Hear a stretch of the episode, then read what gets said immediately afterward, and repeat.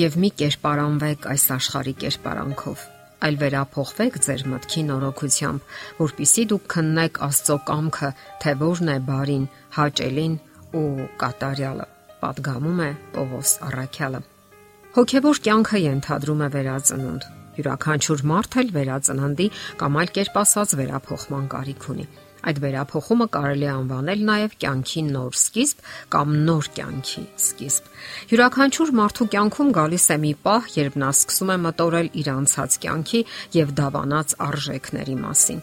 Հինն այլևս չի գոհացնում, չի բավարարում նրան։ Նրա հոգին նոր բարձունքների եւ նոր փորձառությունների է ձգտում։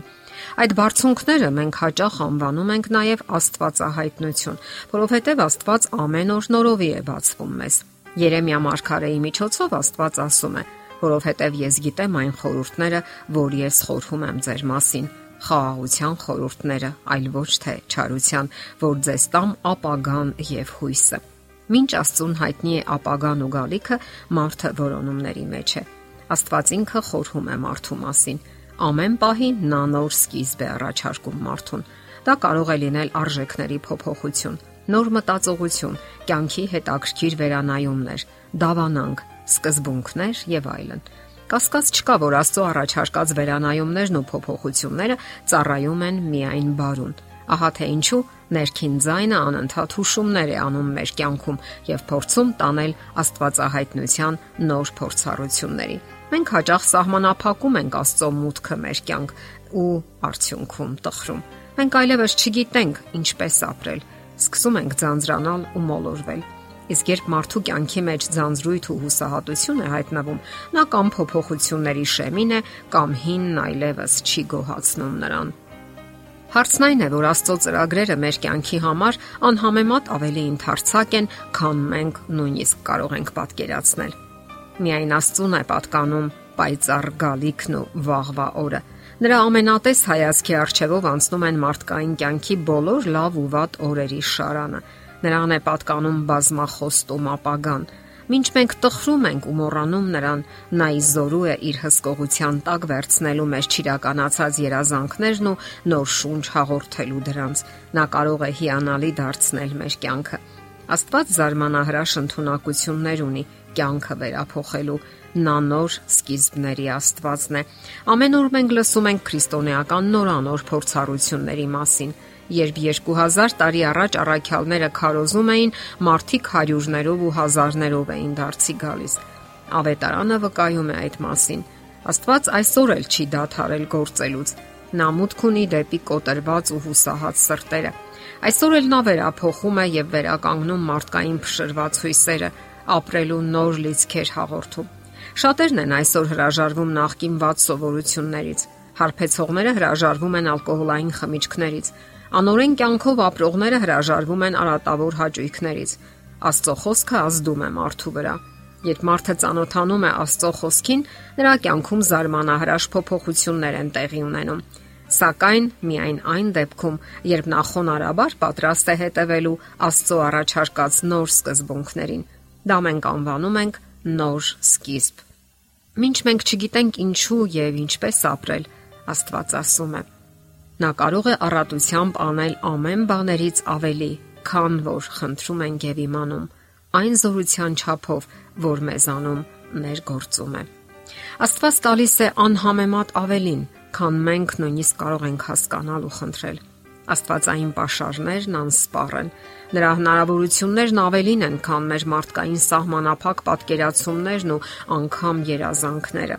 Մենք կարող ենք նրան վստահել մեր կյանքը։ Ամեն պահի մենք կանգնում ենք նոր փոփոխությունների շեմին։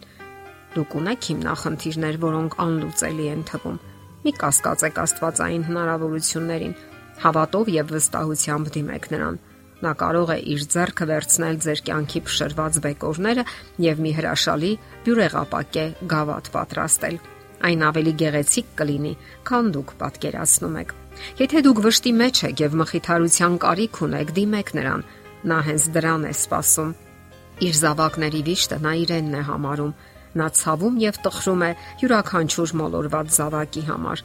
Նրա յուրաքանչյուր մուտքը դեպի մեր հոգու գաղտնարանները նոր սկիզբ է իսկ այդ սկիզբները վերջ չունեն։ Մեր կյանքն անվախճան է, եթե մենք Աստծուն ենք հանձնել այն։ Այս ժամանակավորը չի գոհացնում մեզ։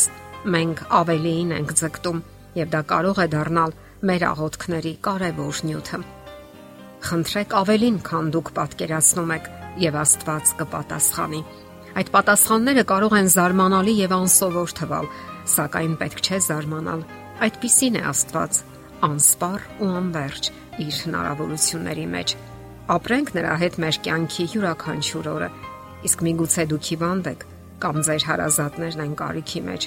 Ձեր աղոթքը կարող է սպեղանի լինել ոչ միայն ձեզ համար, այլև ձեր հարազատների։ Դուք դրա համար կարիք չունեք երկար ճանապարհ կտրելու, առանձնահատուկ ուխտագնացություններ կատարելու։ Մտեք ձեր սենյակը եւ ծածուկ աղոթք արեք։ Աստված ամենուր է։ Նա լսում է ձեզ։ Նա վերածնունդ է ցանկանում ձեզ համար։ Ազատագրում է ձեր կյանքը ներխուժած ամեն ունայնությունից եւ տախտուկից Այսօր սատանան հազար ու մի մեթոդներով ու սկզբունքներով կապանքի մեջ է պահում մարդկային հոգիները։ Հինը, մեռյալն ու անկյանքը, ձևապաշտականը նրա սիրած մեթոդներն են եւ սկզբունքները։ Ազատվեք ձեր հոգու թռիչքները կաշկանդող կապանքներից եւ վերածնունդ ապրեք, դնելով նոր կյանքի սկիզբը։ Կյանք Աստծո հետ։ Դա նշանակում է մտքի, հոգու եւ մարմնի նորոգում։ Աստծո խոսքը հորդորում է. Վերափոխվեք ձեր մտքի նորոգությամբ, որpիսի դուք քննեք Աստծո կամքը, թե որն է բարին, հաճելին ու կատարյալը։ Եթերում ղողանջ հավերժության հաղորդաշարներ։ Ձեզ հետ է Գեղեցիկ Մարտիրոսյանը։ Հարցերի եւ առաջարկությունների համար զանգահարել 033 87 87 87 հեռախոսահամարով։